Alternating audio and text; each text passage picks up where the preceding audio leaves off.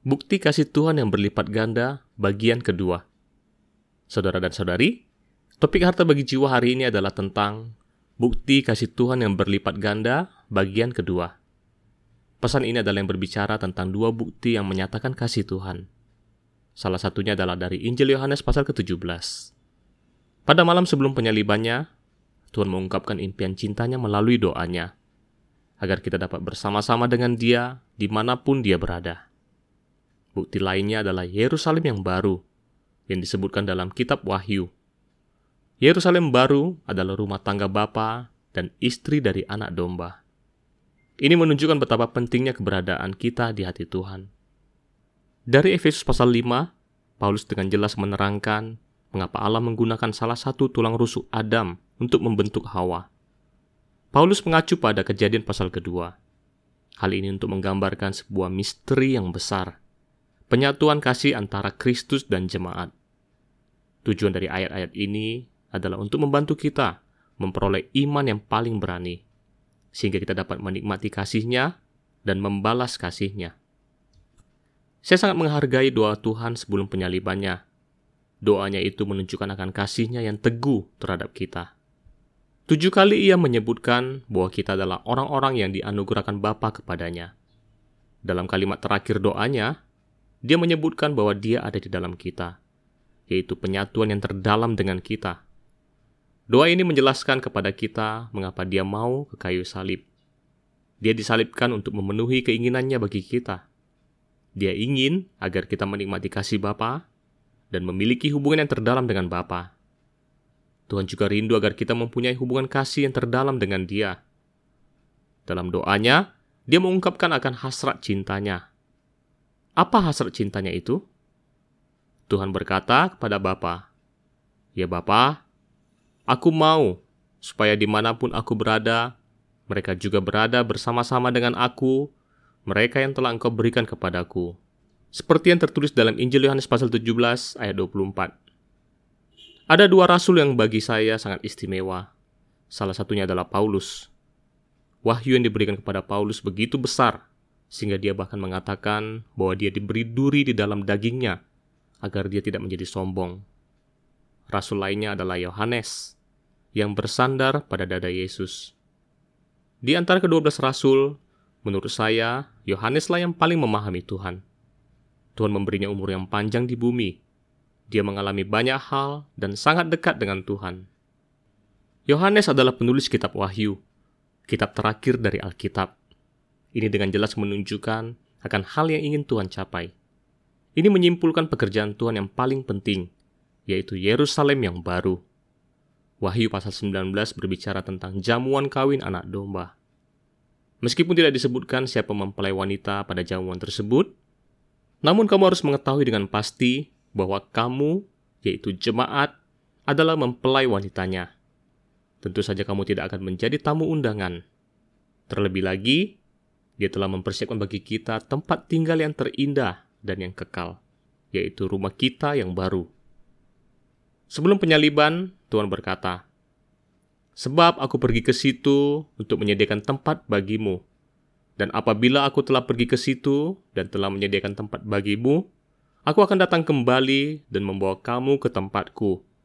Supaya di tempat di mana aku berada, kamu pun berada tertulis dalam Injil Yohanes pasal 14 ayat 2 sampai 3. Mempelai wanita akan tinggal di kota suci. Kota terindah ini, yaitu Yerusalem yang baru, juga disebut sebagai mempelai wanita, istri dari anak domba. Ini adalah akhir dari Alkitab. Hal ini memberitahu kita bahwa Allah adalah Bapa kita, dan kita adalah anak-anaknya. Kita adalah keluarga Allah. Kita mengambil bagian dalam keluarga ini dan dalam segala hal. Hubungan kita dengan Tuhan juga menjadi sangat jelas. Kita adalah mempelai wanita, istri dari anak domba. Kita mengambil bagian bersama Bapa dan Tuhan. Dengan banyak bukti, Tuhan tidak hanya ingin kamu percaya, Dia juga rindu agar kamu menikmati kasih ini. Dia ingin agar kamu mengasihinya dengan hati yang gembira dan memenuhi impian cintanya yang abadi. Surat Efesus pasal 5 berbunyi, Hai suami, kasihlah istrimu sebagaimana Kristus telah mengasihi jemaat dan telah menyerahkan dirinya baginya untuk menguduskannya.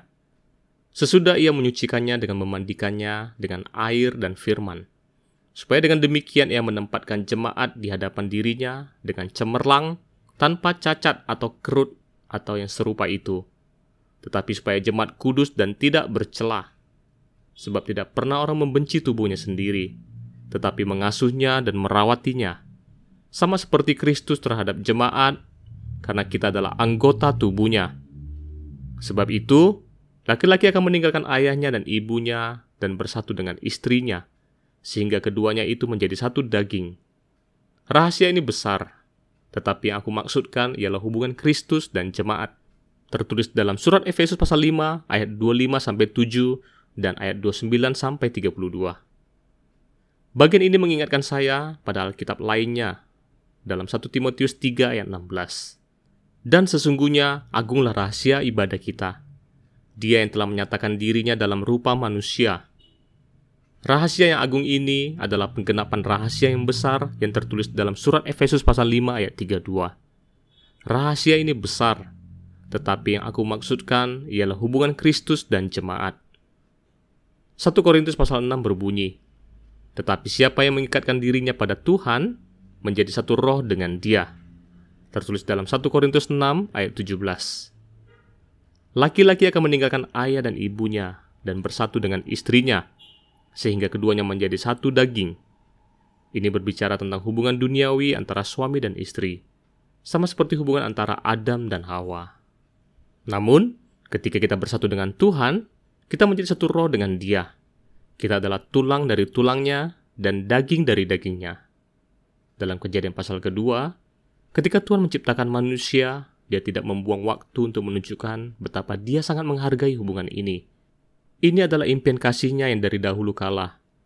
Sungguh berharga karena untuk mewujudkan impian cinta ini membutuhkan waktu yang lama. Hal ini tidak kita ketahui sampai pada hari saat Paulus menjelaskan rahasia yang besar ini. Tuhan Allah berfirman, "Tidak baik kalau manusia itu seorang diri saja, Aku akan menjadikan penolong baginya yang sepadan dengan dia. Kejadian 2 ayat 18. Bagaimana penolong itu ada? Manusia itu memberi nama kepada segala ternak, kepada burung-burung di udara, dan kepada segala binatang hutan. Tetapi baginya sendiri ia tidak menjumpai penolong yang sepadan dengan dia. Lalu Tuhan Allah membuat manusia itu tidur nyenyak. Kejadian 2 ayat 20-21. Sungguh berharga Tuhan Allah membuat manusia itu tidur nyenyak.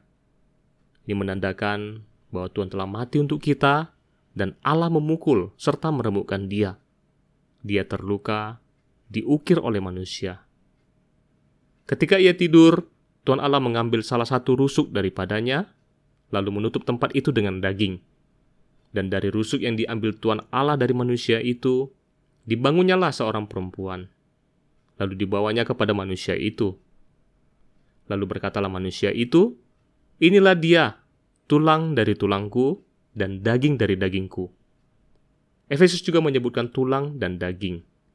Dia akan disebut perempuan, sebab dia diambil dari laki-laki. Sebab itu, seorang laki-laki akan meninggalkan ayahnya dan ibunya dan bersatu dengan istrinya, sehingga keduanya menjadi satu daging. Kejadian 2 ayat 21 24.